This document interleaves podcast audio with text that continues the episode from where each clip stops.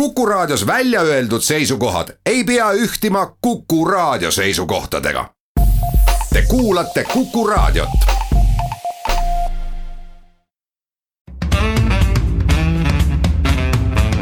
muuli ja Riikoja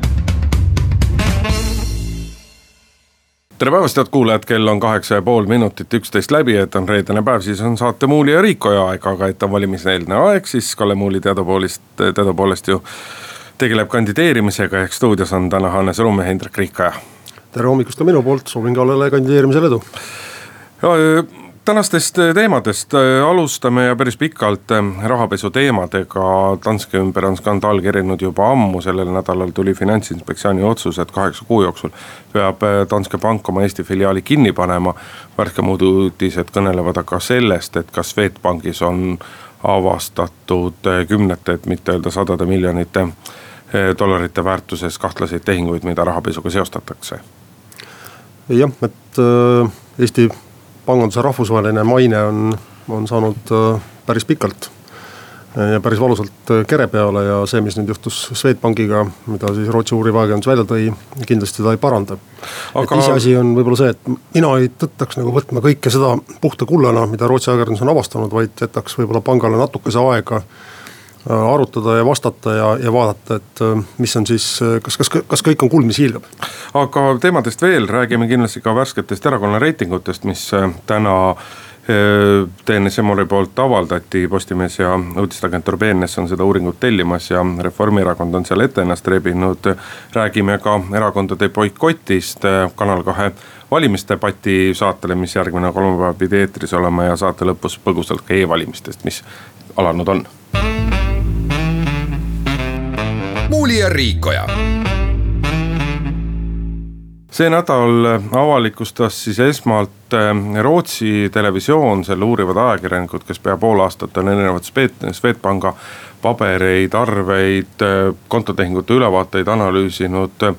avaldasid kahtluse, et ka Swedbankis on liik-, liikunud äh, kahtlase päritoluga raha, mida võib seostada äh, rahapesuga ja sealt omakorda on Eesti ajakirjandus, eelkõige Postimehe eestvõttel selle teemaga edasi läinud. Äh, tehingud äh, hakkavad või ütleme siis need nii-öelda vaatluse all olnud tehingud hakkavad eelmise kümnendi keskpaigast ja tegelikult ulatuvad välja kuni kahe tuhande viieteistkümnendasse aastasse eks esialgu on väga keeruline öelda muidugi, et kui palju on seal nii-öelda Äh, kui palju on lihtsalt sellist nii-öelda kummalist ja, ja kahtlast ja kui palju, kui palju tõepoolest sellist nii-öelda kuritegelikku raha seal liikunud on, sest et ka erinevad uurimisorganid on tunnistanud, et nemad nende materjalidega siiamaani kokku puutunud ei ole, mistap ei ole ei erinevad finantsinspektsioonid erinevates riikides ega ka, ka ametlikud uurimisorganid seda teemat kuidagi kommenteerinud ja, ja ka kõrvalt vaadata ongi nii-öelda nagu väga lihtne, et äh, või väga keeruline, vastupidi, et noh, lihtne on vaadata, tehing ühte ettevõtet ei tea, teist ettevõtet ei tea. ja tehing on suur, siis sellele nii-öelda tempel külge panna, panna. noh, kuidas seda asja vaadata, üks asi muidugi, mida ei tohi ära unustada ja, ja mida eelkõige just ajakirjandus tihtipeale kipub, ma ei taha siin nagu ajakirjanduse rolli selles mõttes alatähtsustada, et suuresti nende mõlema, nii Danske kui nüüd ka Swedbanki nii-öelda rahapesuskandaalide uurimised on alguse saanud sellest. et erinevate riikide uurivad ajakirjanikud on teinud väga pikka, väga põhjalikku tööd ja on on hekseldanud läbi tuhandeid lehekülge pabereid, uurinud tuhandete erinevate ettevõtete taustu nii Euroopas, Venemaal kui igal pool mujal. ja nii-öelda nemad on saanud, tegelikult on nad uurimisorganite töö osaliselt ära teinud ja, ja, ja, ja sealt on saanud ka nii-öelda ametlikud uurimised tõuke. teisest küljest me ei tohi muidugi unustada ka seda, et, et eelmisel kümnendil kehtisid hoopis teistsugused regulatsioonid, ehk me me ei tohi teha seda viga, et me hakkame kunagisi asju hindama täna kehtivate äh, reeglite, eeskirjade, seaduste ja moraalinormide järgi. aga see loomulikult ei tähenda seda, et me ei tohi, et me ei peaks nagu kunagistele asjadele tähelepanu pöörama, et muidugi seda peab uurima ja, ja, ja nende käest kes vastutavad, peab äh, küsima, noh, mis muidugi Swedbanka teeb Eesti Eesti turu jaoks ikkagi olukorra oluliseks on, on see, et tegemist on Eesti vaieldamatult kõige suurema kommertspangaga, kus, kus vist sisuliselt iga kolmanda inimese hoiused on, kust iga kolmas inimene on laenu võtnud ja nii edasi. ehk tegemist on ikkagi nii-öelda Eesti majanduse, Eesti ettevõtluse nabanööriga. jah, siin jääbki üle ainult sinuga nõus olla, et siin on ikkagi täiesti selge vahe, kas rääkida Danske panga juht, juhtumist või Swedbanka juhtumist ja neid kahte asja nagu kokku panna. nii nagu ajakirjandus on seda teinud, on minu meelest ilmselge ülekohus, seda mitmel põhjusel, üks põhjus on see, et et Danske panga puhul oli selge, et see rahapesuskeem oli teadlikult, see auk rahapesuks oli teadlikult tekitatud Eesti filiaali kaudu, emapank teadis seda. no see on muidugi meie tunne jällegi. ei, mina arvan ikkagi, et minu teadmine, mitte tunne ja nii nagu Swedbanka puhul öeldakse ka, et ütlevad uurimisorganid, et nende puhul ei ole mingisugust pahatahtlikkust tuvastatud, et pank on käitunud heauskselt, on proovinud kõiki norme järgida ja teine asi on muidugi just nende mõju Eesti elule ja Eesti majandusele, et tõesti äh, mõtlesin siin äh, ka paar päeva tagasi, et kui ma oleksin praegu äh, Kremlis, töötaksin propagandistina ja minu ülesanne oleks nõrgestada Eesti riiki, mida ma teeksin, siis oleks see, et ma prooviks tekitada sellise Eesti venekeelse elanikkonna hulgas paanika, et nüüd on Swedbank suures, suurtes raskustes, minge võtke kõik oma säästud Swedbankast välja. oleks proovinud tekitada sellist paanikat ja pangajooksu ja, ja natukese mulle tundub, et Eesti ajakirjandus oli selles mõttes äh, vastutustundetu, et, et äh, hakati nagu meenub üks tuntud telestaar, kes äh, kolmapäeva õhtul oli surmani surnud sellepärast, et keegi Swedbankist ei tulnud tema saatesse ja siis ta ründas ja ründas Eesti Panga esindajat küsimustega, et miks nii on ja mida, miks, miks ja siis kõik see tuli välja sellest, et, et kuna Swedbank meiega ei räägi, et siis siis ma olen nagu isiklikult solvunud, et natukese rohkem vastutustunnet tahaks tahaks näha juhtumis, juhtumi puhul, mille, mille mõju Eesti inimestele ja Eesti majandusele on, on tohutult suur, et, et see, kui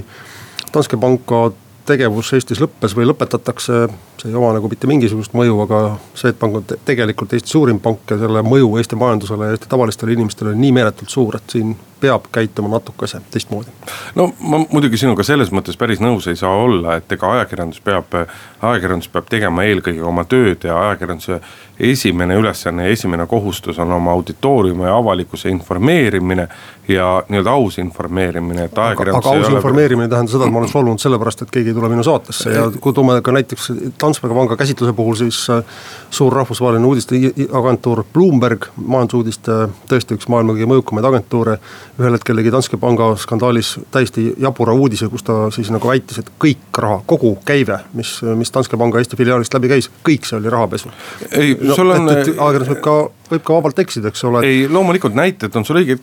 kes see saatejuht on, kellest sa räägid? see on üks äh, Eesti Raadio, vabandust, Eesti Televisiooni saatejuht, keda me näeme kella seitsme ja kaheksa vahel õhtuti ETV-s. ehk sa pead siis Marko Reikopi silmas või? no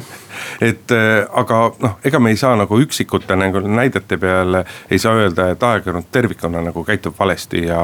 käi-, käitub ebaausalt ja nii edasi. ka mina ei tahtnud siin hakata nagu teemat kuidagi pisendama sellega, et, et rünnata Eesti ajakirjandust, et küll ma arvan, et, et tegelikult tuleb ära oodata see, et, et mis siis nagu nendest Rootsi ajakirjanike väidetest on tõsi ja mis on vale ja ilmselgelt minu meelest Swedbank ise tegi valesti, olles börsifirma, et nad küll kasutasid viigilehena seda, et me oleme börsifirma ja kõigepealt me peate oma mis iganes informatsiooni andma börsile, ehk siis oma aktsiate omanikele aga, aga nad olid piinlikult pikalt vait ja, ja see tekitas äh, neile rohkem äh, kahju kui, kui kindlasti kasu. no eks see vait olemine on tingitud sellest, et Swedbank on ju siiamaani kogu selle Danske skandaali ajal on, on nii Eestis kui ka Rootsis äh, kogu aeg nii-öelda väga selgelt öelnud, et nendel rahapesuga probleeme ei ole. Swedbanki juht Robert Kitt tänaseski lehes intervjuus ütleb, et me teatame igal aastal sadadest rahapesu kahtlusega, kahtlusega juhtumitest. Et, et nad on nii-öelda seda iseenda puhkus, puhtust siiamaani nagu isegi ma julgeks öelda, et natukene nagu liiga julgelt raiunud, et kui sa oled nagu nii suur organisatsioon. ja sa tead ju väga hästi, et sinu vahendusel tehakse ka väga suuri tehinguid. me ei räägi siin miljonitest, isegi mitte kümnetest miljonitest ega kohati ka mitte sadadest miljonitest, vaid veelgi suurematest summadest. et siis kogu selles paketis võib sul alati mingisugune miin olla peidus, sest et kui me räägime kümne aasta tagusest ajast. siis nõuded nii-öelda rahapesu kontrollimiseks olid hoopis teistsugused ja panga enda kontroll oli ka hoopis teistsugune, kui ta on nagu tänasel päeval. et selles mõttes, et kunagi ei tohi olla nagu liiga resoluutne ja liiga kindlasõnaline, et, et turvaline on väike õhk nagu vahele jätta. muuli ja Riikoja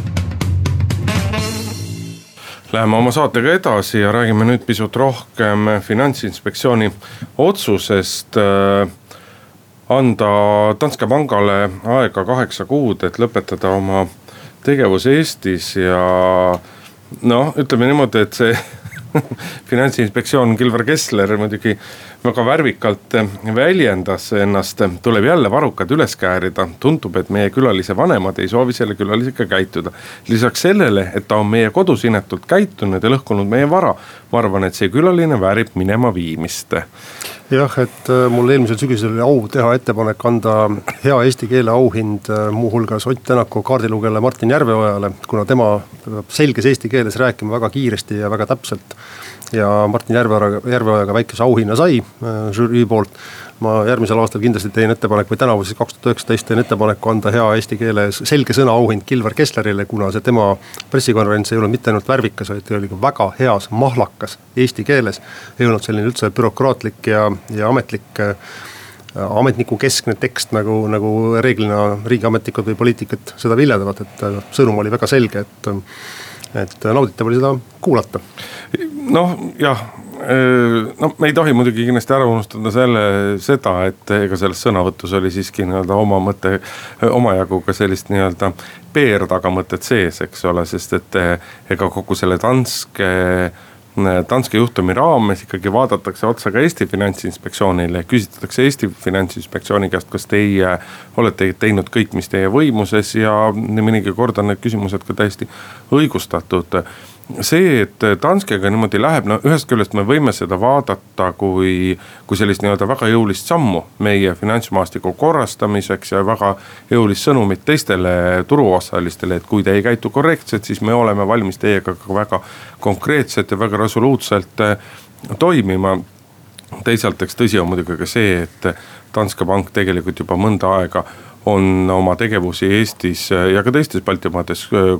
kokku tõmbamas, eraisikute teenindamisest on, on sisuliselt loobutud, äh, eraisikutele laenude andmisest on loobutud. ehk mis on ühe panga jaoks üks olulisemaid nii-öelda tegevus, tegevusharusid ja ja, ja loomulikult oli see finantsinspektsioon Danske panga jaoks mõru pill, aga teisest küljest noh, oma asju nad olid äh, kokku korjamas ja kui nad ütlevad, et nad nagunii oleksid äh, lõpetanud, siis noh, suures osas on see ka tõsi. ometi küsimus on, kas seda oleks nii kiiresti tehtud, kui seda nüüd tegema peab jah, Danske panga asja puhul tuleb äh, üks asi küll välja tuua, et äh, tänavu suvel on siis selline suur ja tore juubel. et kaheksasada aastat möödub sellest päevast, kui väidetavalt legendi kohaselt siis taanlased olid Tallinnas sõdimas ja taevast kukkus, nad olid juba lahingut kaotamas. et taevast kukkus alla lipp, mida me tunneme praeguse Taani lipuna ja see on selline kahte rahvast äh, ebatavaline juubel, mis peaks kahte rahvast äh, lähendama ja, ja koos hoidma. aga see Danske panga juhtum on ilmselgelt nagu Taani-Eesti vahele väga palju tekitanud selliseid äh, halbu tundeid ja ja kompliment siinkohal Taani poliitikutele, kes ei ole üleolevalt vaadanud Eesti poole ja näpuga näidanud, et teie seal Ida-Euroopas teete midagi niisugust või teistsugust. küll aga on Danske panga juhtkond ja Danske, Taani finantsinspektsioon olnud need, kes on väga üleolevalt suhtunud Eestisse ja oma Eesti partneritesse ja proovinud oma siis tegemata tööd äh,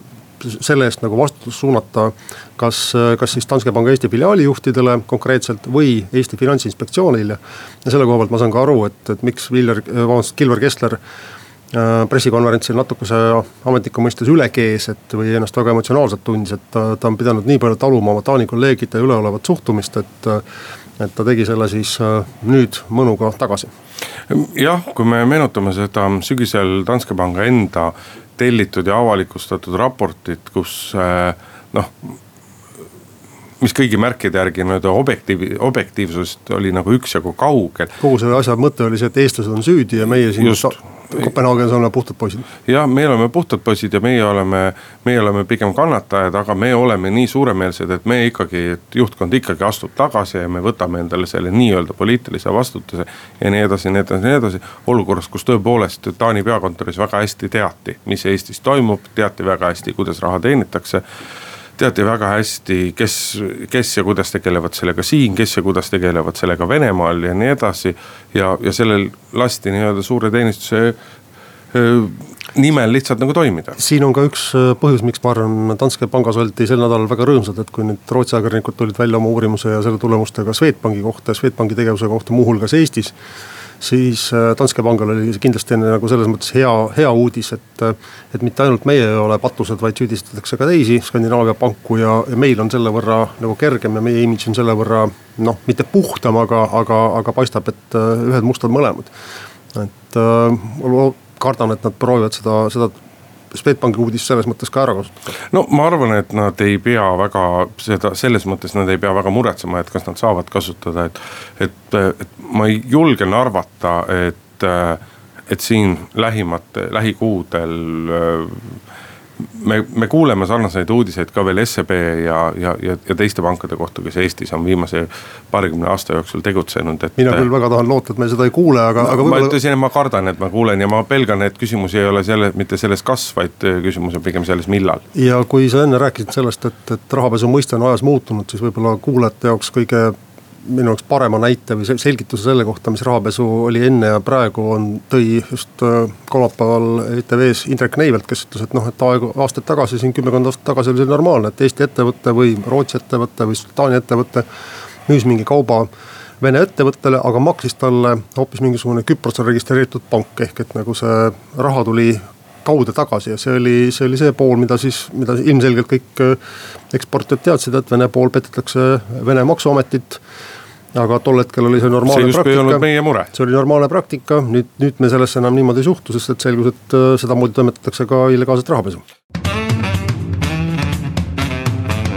muuli ja Riikoja. Tere taas kuulama saadet Muuli ja Riikoja, mina olen Hannes Rumm ja asendan täna Kalle Muulit, kes oli muuhulgas üks minu suuri õpetajaid ajakirjaniku tee alguses. Aga jätkuvalt ja siit edasi räägime nüüd Eesti erakondade reitingust, värsked numbrid on tulnud tänase, täna välja. valimisteni ei ole enam väga palju aega jäänud ja numbrid on põnevad. no valimised tegelikult ju juba ju käivad, teist päeva saab e-hääletada ja eelhääletada kas vist eilsega sai välisriikides hääletamine juba otsa aga.... Indrek, mul ongi sihuke, sulle teen kiirelt otse-eetris sulle ühe testi, kas sa oled õige eestlane või ei ole, et see test koosneb kolmest küsimusest, kas sul on maksud e-maksuametis ära makstud? maksud on makstud, aga tuludeklaratsioon on tegemata e. e-hääletasin ennem saadet ära, kuna ja. sain sind mõne minuti oodata, siis mõtlesin, kasutan seda aega ja kas see film Tõde ja õigus on vaadatud? ei ole veel, aga ka kindlasti lähen kinno vaatama. see on siis väike minupoolne test kuulajatele, et kas te olete õige eestlane, et kas teil on tulumaks äh, deklareeritud, kas te olete e-hääletanud ja kas te olete kinos käinud juba? jah, aga e-hääletatud on, aga jah, kui erakondade reitingutest rääkida, siis äh, õigupoolest see uuring on nii-öelda nagu, ühes uuringus on kaks uuringut, üks on lihtsalt nii-öelda erakondade toetusreitingud ja, ja teine on siis erakondade toetuse viisil, et äh, vastajale näidati ka nimekirja, vastavalt siis, kus piirkonnas ta kandideerib, eks ole, siis näidati selle piirkonna nimekiri. Aga tõde on selles, et sisulist vahet Reformierakonna ja Keskerakonna toetuse vahel enam ei ole, ehk määravaks saab nüüd see viimase paari nädala valimistöö ja määravaks saab see valimisnimekiri, ehk kes on need inimesed, kes inimesel, kui ta kas siis oma arvutis või valimisjaoskonnas, valimiskabiinis sellele nimekirjale otsa vaatab, kes on need nimed, kes talle sealt vastu vaatavad, eks sellest tekib ka tekib ka, tõuseb ka nii-öelda tõde ja, ja sealt, sellest sõltuvad otsused ja nagu Tõnis Leht ütles meie täna hommikul Ärataja saates ka, et kindlasti, mis on mis on nii Keskerakonna kui Reformierakonna jaoks ja pigem võib-olla isegi rohkem Reformierakonna jaoks probleemiks on see, et väga selget suurt vastandumisteemat ei ole ei ole üles, esile kerkinud ja Reformierakonna valijate jaoks ei ole seekord nii suureks probleemiks see, et Keskerakond võidab, kuna Edgar Savisaar Keskerakonna eesotsas enam ei ole. ehk nii-öelda Reformierakonna püsivalijal on pisut vähem motivatsiooni välja minna, oma valimisotsust langetada. aga samas, samal ajal ka Keskerakonna püsivalijal on vähem motivatsiooni. sest et seal ei ole enam Edgar Savisaart. seal ei ole enam Edgar Savisaart ja ei ole nagu nii teravat vastandumist äh, Reformierakonnaga. ja selles mõttes ongi ka Keskerakonna jaoks suurim probleem, ma arvan, mõlema suure erakonna jaoks ongi täpselt see probleem, mida sa sõnastasid, et kas nende potentsiaalsed valijad tulevad välja või seekord lihtsalt jätavad välja tulemata mulle tundub, et kõige motiveeritumad valijad seekord on hoopis EKRE valijad väga värvikad reportaažid olid äh, sellest, kuidas siis valimised toimusid Helsingis äh, Eesti saatkonnas, kus äh, üks mees teatas, et jah, mina valin EKRE-t ja kui saaks, valiksin Adolf Hitlerit, kui ta oleks valimisnimekirjas, et. no sa oled tsiteerides et... ebatäpne, et, et see käis sedapidi, et ta valiks Adolf Hitlerit, aga kuna tema on surnud, siis ta valib EKRE-t. jah, kuna teda ei ole valimisnimekirjas, aga, aga mida ma tahtsin sellega öelda ja mis ma, milles ma olen ka täiesti veendunud, ongi see, et et seekord kõige rohkem ja kõige paremini suudavad oma valijaid mobiliseerida EKRE ja Isamaa. ja ootamatult selle ilma, isegi ilma sellise tava, tavapärase Keskerakonna, Reformierakonna vastanduseta. Äh, sellise rahvusluse pinnalt äh, just EKRE ja Isamaa on kõige rohkem suutnud oma valijaid käima tõmmata äh, tõsi küll, eks nad seekord ilmselgelt võistlevad erinevates kaalukategooriates, aga, aga et EKRE on ühe suurusjärgu võrra ülevalpool kui Isamaa. Isamaa on ennast välja rebinud valimiskünnise alt ülesse aga, aga kokkuvõttes võib öelda, et ma julgen ennustada, et äh, kaks tuhat üheksateist valimised lähevad ajalukku sellega, et nii-öelda nende valijate hulk, kes hääletavad nii-öelda rahvuslikul põhimõttel või põhjusel on, äh, on just Isamaa EKRE arvelt suurem. oluline on märkida ka seda, et äh, nende inimeste osakaal, kes ei oska oma erakondlikku eelistust öelda, on, on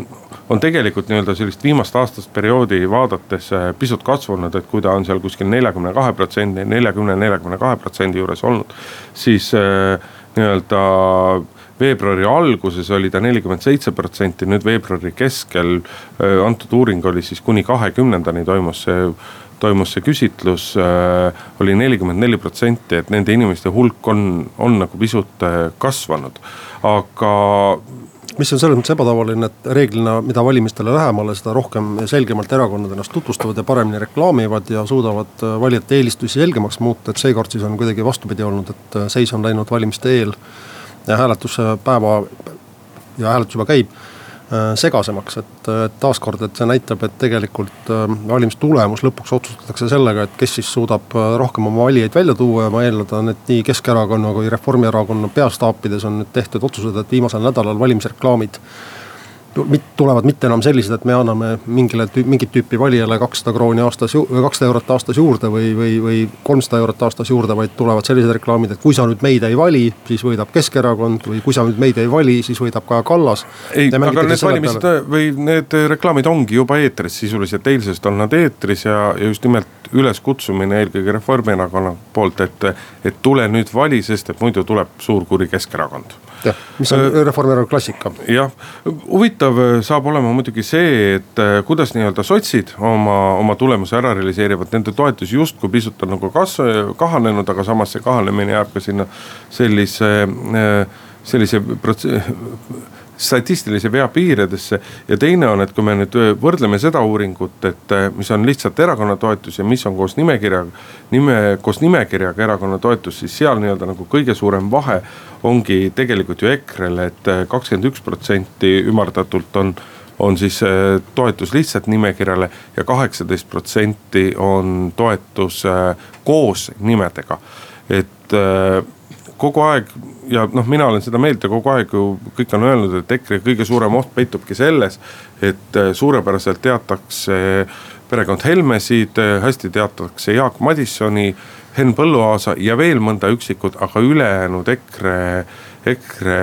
kandidaadid on ju, on ju tundmatud, noh. no ma arvan, et juba sa tegid äh, komplimendi Henn Põlluaasale, et kui nüüd Kuku raadio kuulete sellest teha küsitlust, kes on Henn Põlluaas, millise, millises erakonnas ta kandideerib, siis ma arvan et, et üheksakümmend protsenti inimestest ei oska sellele küsimusele vastata. no võib-olla sul on jah aga... õigus, Henn Põlluaas on mul teatud põhjustel endal meelde jäänud, aga noh, aga samas neil on Leo Kunnas, kes tegi eelmistel valimistel üksikkandidaadina väga korraliku aga tulemuse. kokkuvõttes, kokkuvõttes on selge see, et EKRE inimeste nimed, äh, kandidaatide, tippkandidaatide nimed on väga nõrgad, see on hämmastav, et erakond ei ole suutnud oma head brändi, oma hea brändi külge tuua tugevaid nimesid sotsiaaldemokraatidele, sotsiaaldemokraatidele, sellepärast et äh, EKRE-l oli ju, Mart Helmel oli väga lihtne minna ükskõik millise tuntud Eestist äh, ja tunnustatud inimese juurde, öelda, et a la, et äh, et sa oled siin tuntud laulja või tuntud näitleja, tule ole meil selle valimisringkonna number üks, automaatselt saad, garanteeritud on sulle selle, et sa saad koha parlamendis, järgmised neli aastat saad neli Eesti keskmist palka. vaata, sa teed, sa teed aga, olulise vea, ma arvan, et. ei, ma ei tee mingit viga. sa teed selles mõttes vea, et Mart Helmel on väga lihtne minna, aga ikkagi ütle noh. kandidaati on väga raske tulla, sest et, et, et just nimelt teatud pärast... põhjustel, nagu me nägime, eks ole, siin Jaan Männiku ja, ja Siiri Sisaski puhul, et väga raske on seal siiski selle erakonnaga liituda. Äh, aga, aga mis ma tahtsin öelda, on, et siin EKRE, EKRE vastand võib-olla selles mõttes on nendel valimistel Sotsiaaldemokraatide erakond, kus on väga tugevad isikud Äh, väga tugevad esinumbrid eri ringkondades, aga erakonna bränd on erakordselt äh, nõrk ja mul on.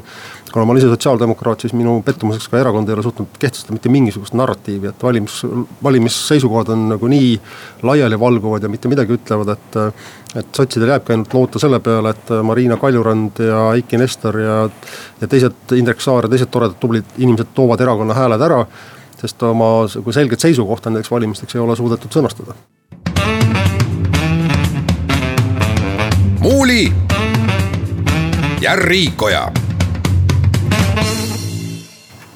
Läheme oma saatega edasi, Hannes Rumme, Hendrik Riikoja on stuudios ja räägime pisut ähm, poliitikast ja ajakirjandusest. sellel nädalal juhtus Eesti ajaloos mõnevõrra pretsedenditu sündmus, nimelt saabus esmaspäeval äh, pöördumine, teade, avaldus, ma ei oskagi öelda, mis asi see täpselt oli, saadeti küll välja nii-öelda sotsiaaldemokraatide kontorist, aga, aga alla olid kirjutanud sellele kuue suurema erakonna juhid, kes siis üheskoos teatasid, et nemad ei lähe järgmise nädala kolmapäevaks planeeritud Kanal kahe valimisdebatti, sellepärast et nende arvates on kohatu, et valimised üritatakse muuta palaganiks, peaministrikandidaadid üritatakse muuta meelelahutuseks ja palaganiks ja see neile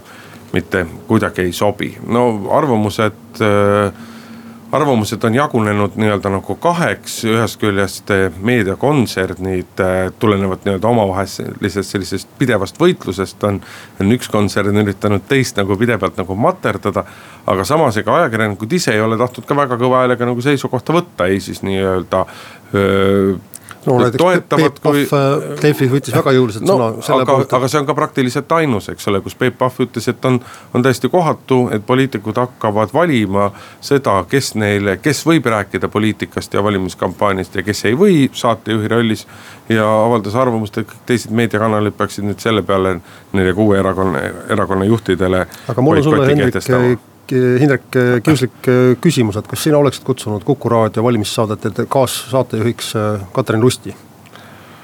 no kõik sõltub. Äh, no Vaat, juba, eks ole, et, et kas vastus on jah või ei? kanal kahe üks,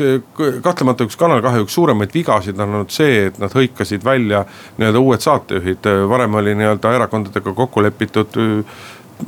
ühes saate formaadis ja teistes saatejuhtides ja siis järsku otsustati nii-öelda saatejuhid muuta.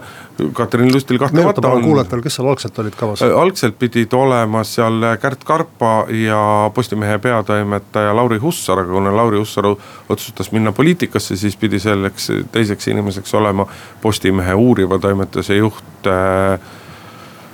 no vot, nüüd on küll piinlik lugu, Roonemaa, Roonemaa, aga tahan tema venna Hendriku nime öelda, aga mitte, mitte Hendrik, Hendrik Roonemaa. aga no oli selge, et, et Roonemaa ja Anvelti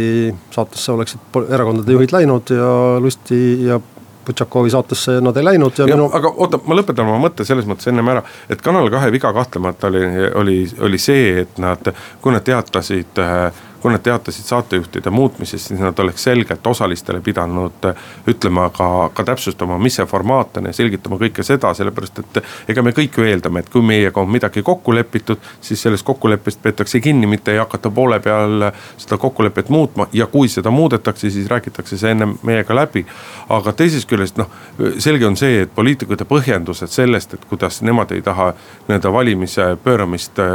palaganniks meelelahutust ja meelelahutuseks ja tsirkuseks, et, et, et loomulikult on poliitikute sellised äh, väited õõnsad, sest et noh, kui me vaatame seda, mida poliitikud teevad valimisprogrammi raames, mille jaoks nad kõigeks on valmis, kuidas järsku on poliitikutest saanud näiteks tohutud mälumänguhuvilised. kas sa loed nüüd praegu ette Peep Pahvi artiklit või räägid omi mõtteid? Äh, ma räägin praegu omi mõtteid, sellepärast et ma ei tea, kas Peep Pahv rääkis näiteks mälumängudel käimisel. et noh, et seda tsirkust on selles valimiskampaanias no, nii sa palju. sa ei saa poliitikutele ette mõtlesite seda, et kui Timo Tarve kutsub igast erakonnast kaks inimest mälumängule, et siis nad tegelikult tulevad, et. ei, muidugi ei saa ette heita ja vahe ongi selles, et Timo Tarve lepib inimestega kokku ja siis sellest kokkuleppest peetakse kinni, poole pealt ei hakata muutma, ent nagu ma ütlesin, et see on nagu Kanal kahe, Kanal kahe viga kahtlemata. aga poliitikud ei tohi endast jätta muljet, nagu nad ajaksid kogu aeg õilsat, õilsat, üllast ja aatelist asju vahe. tegelikult nad teevad seda ju kõike vahendeid valimata. no mina olen jätkuvalt seda meelt, et kui ta oleks olnud see äh, tõsiste ajakirjanike tõsine debatt, oleksid poliitikud sinna läinud, kui see oli selline ilmselgelt kas nüüd nagu meelelahutuslik või väga agressiivselt poliitikuid ründav ja sildistav saade, et siis nad ei lähe sinna ja poliitikul on õigus kas minna või mitte minna, et poliitik ei ole nagu, nagu taksojuht, kes peab väljakutse peale alati välja tulema või, või tuletõrje, et, et kui nad otsustasid niimoodi, et nad ei lähe, siis nad ei lähe, et samamoodi ma võin teha niisuguse mõtteeksperimendi, et kui näiteks ETV oleks kutsunud poliitikuid saatesse Ärapanija erisaade, kus Mart Juur ja Peeter Oja oleksid peedistanud poliitikuid otse-eetris no miks nad oleksid pidanud sinna minema, no loomulikult nad ei oleks sinna läinud või kui Tallinna Televisioon oleks kutsunud poliitikuid debatti, kus siis Mart Ummelas oleks neid äh, roosanud seal tunni aja jooksul selle teise ja kolmanda pärast, no miks nad oleksid pidanud sinna minema. no kui, kui saateformaat ei sobi, siis poliitikud sinna ei lähe ja ma arvan, see on nagu Kanal kahele selles mõttes nagu päris õpetlik äh, kogemus, et äh, ei saa eeldada, et Eesti Vabariigi tipp-poliitikud, need inimesed, kes hakkavad meie riiki juhtima äh, vähem kui kuu aja pärast peaksid äh, olema nõus kõigega, mida üks telekanal neile ette paneb. no ei pea olema, et minu lugupidav nendele inimestele selle eest just, et, et nad suudavad ka ei öelda ajakirjanduse olukorras, kus nad saavad sellest, kus nad teavad, et nad saavad selle eest rünnata. jah, võib-olla muidugi poliitikud oleksid võinud selle lahendada näiteks niimoodi, et mitte saatnud sinna oma peaministrikandidaate, vaid saatagi kõik on ju endale, enda ridadesse värvanud meelelahutajaid, näitlejaid, sportlasi ja nii edasi, et saatnud siis sinna formaati selle formaadi inimesed. aga teeme väikse pausi mis kell lõpetame? muuli ja Riikoja. ja saate lõpetuseks räägime pisut siis ka nagu valimistest, mis on nüüd ikkagi täie hooga alanud, et kuigi kuigi nii-öelda demokraatia pidupäev justkui on kolmas märts sellel aastal ehk see pühapäev, siis e-hääletus ja eelhääletus on äh, käinud nüüd juba. mina saan kõigile Kuku raadio kuulajatele eeskujuks tuua Hindrek Riikojat, kes tõesti samal hetkel, kui ma astusin Kuku raadios stuudiosse sisse, oli arvuti taga ja täitis oma kodanikukohust ja andis oma hääle Riigikogu valimistel juba ära. just nimelt äh, ja mis mind äh, sellel nädalal nii-öelda kõrvu kikitama pani, et, et kui me oleme harjunud olnud viimased enam kui kümme aastat, et Keskerakond räägib lakkamatult sellest, et e-hääletamine on saatanast ja e-hääletamine tuleb ära lõpetada ja selle põhjus oli oli ju iseenesest nii-öelda nagu väga lihtne. Keskerakond Edgar Savisaare juhtimise all pelgas seda, et kuna e-hääletavad eelkõige noored inimesed, et siis hääletamisel hakkab noori inimesi rohkem osalema. Keskerakonna valijad olid pigem vanemaealised, pigem muukeelsed, et nad kaotavad sellest. nüüd on Keskerakond sellest retoorikast loobunud, Yana Toom eile õhtul ütles ühes intervjuus, et tema sai viimastel valimistel tuhatkond e-häält ja tema küll ei näe mingit põhjust, mida, miks ta peaks midagi e-hääletamisele ette heitma. aga õnneks on nüüd EKRE selle koha üle võtnud ja Mart Helme, erakonna EKRE esimees, on väga jõuliselt asunud kaitsma seisukohta, et e-hääletamine tuleb ära lõpetada, sellepärast et sellega manipuleeritakse, tulemusi võltsitakse ja nii edasi ja nii edasi ja nii edasi ma ei tea, minu arust muidugi sellele ei tohiks nii palju tähelepanu pöörata, pigem e-hääletamisest võiks rääkida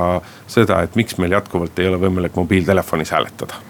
Jah, et äh, siin rääkides muukeelsetest inimestest, siis nende jaoks tõenäoliselt ongi tõesti nii, nagu üldse e-teenuste kasutamine on nende jaoks raskem, siis ka eesti keeles Eesti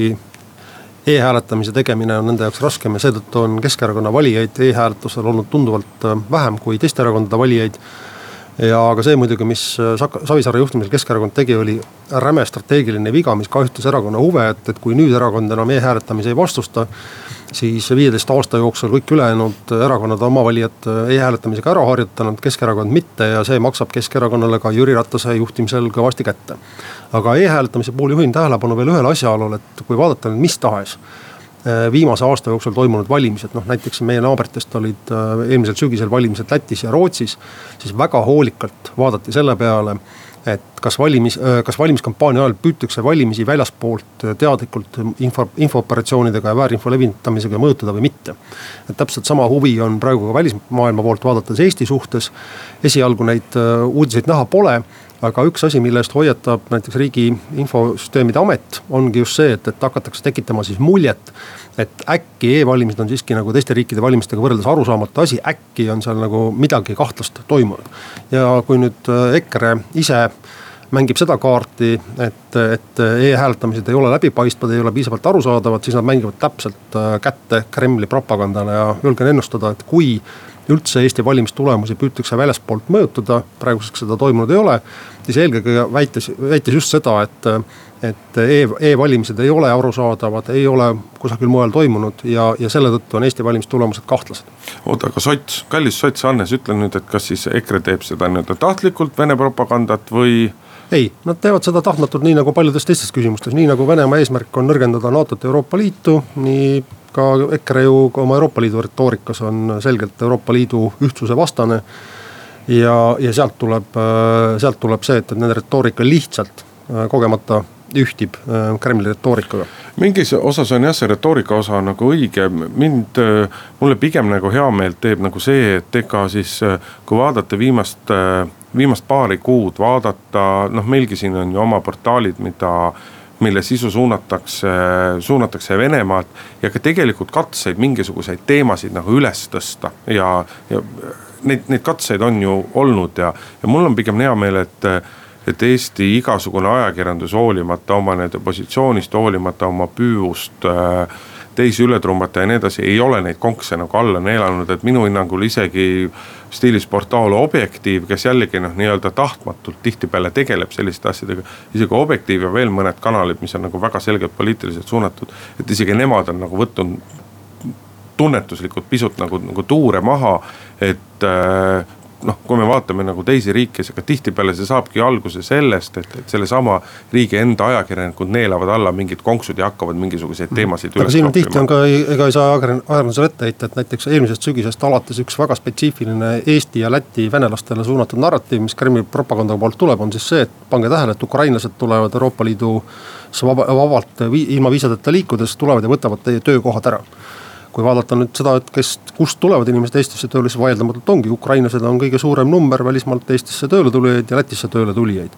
ja see on nagu teema, millega Eesti ajakirjandus peab tegelema, aga nüüd siis Kremli propaganda püüab seda jälle esitada nagu selle nurga alt, et, et nüüd nad tulevad siia ja võtavad ära teie töökohad Narvas, Sillamäel, Kohtla-Järves ja Lasnamäel mis ei ole nii, sest me kõik teame ju tegelikult, et Eestis on tohutu tööjõupuudus praegu, mitte tööpuudus. jah, aga meil ei jää selle jutu üle küll, jutu peale küll muud, kui üles kutsuda, et inimesed käige valimas ära. julgelt hääletage ka e-viisil, sina Hannes ka mine käi valimises ära. tänase saate otsad peame kokku tõmbama. omalt poolt kutsun veel ka vaatama filmi Tõde ja õigus enne vabariigi aastapäeva. ja noh, kellel siis tuludeklaratsioon on tegemata, et see tuleb ka ära teha. Hannes Rumm, Hindrek Riik olid stuudios, kuuleme nädala pärast jälle. muuli ja Riikoja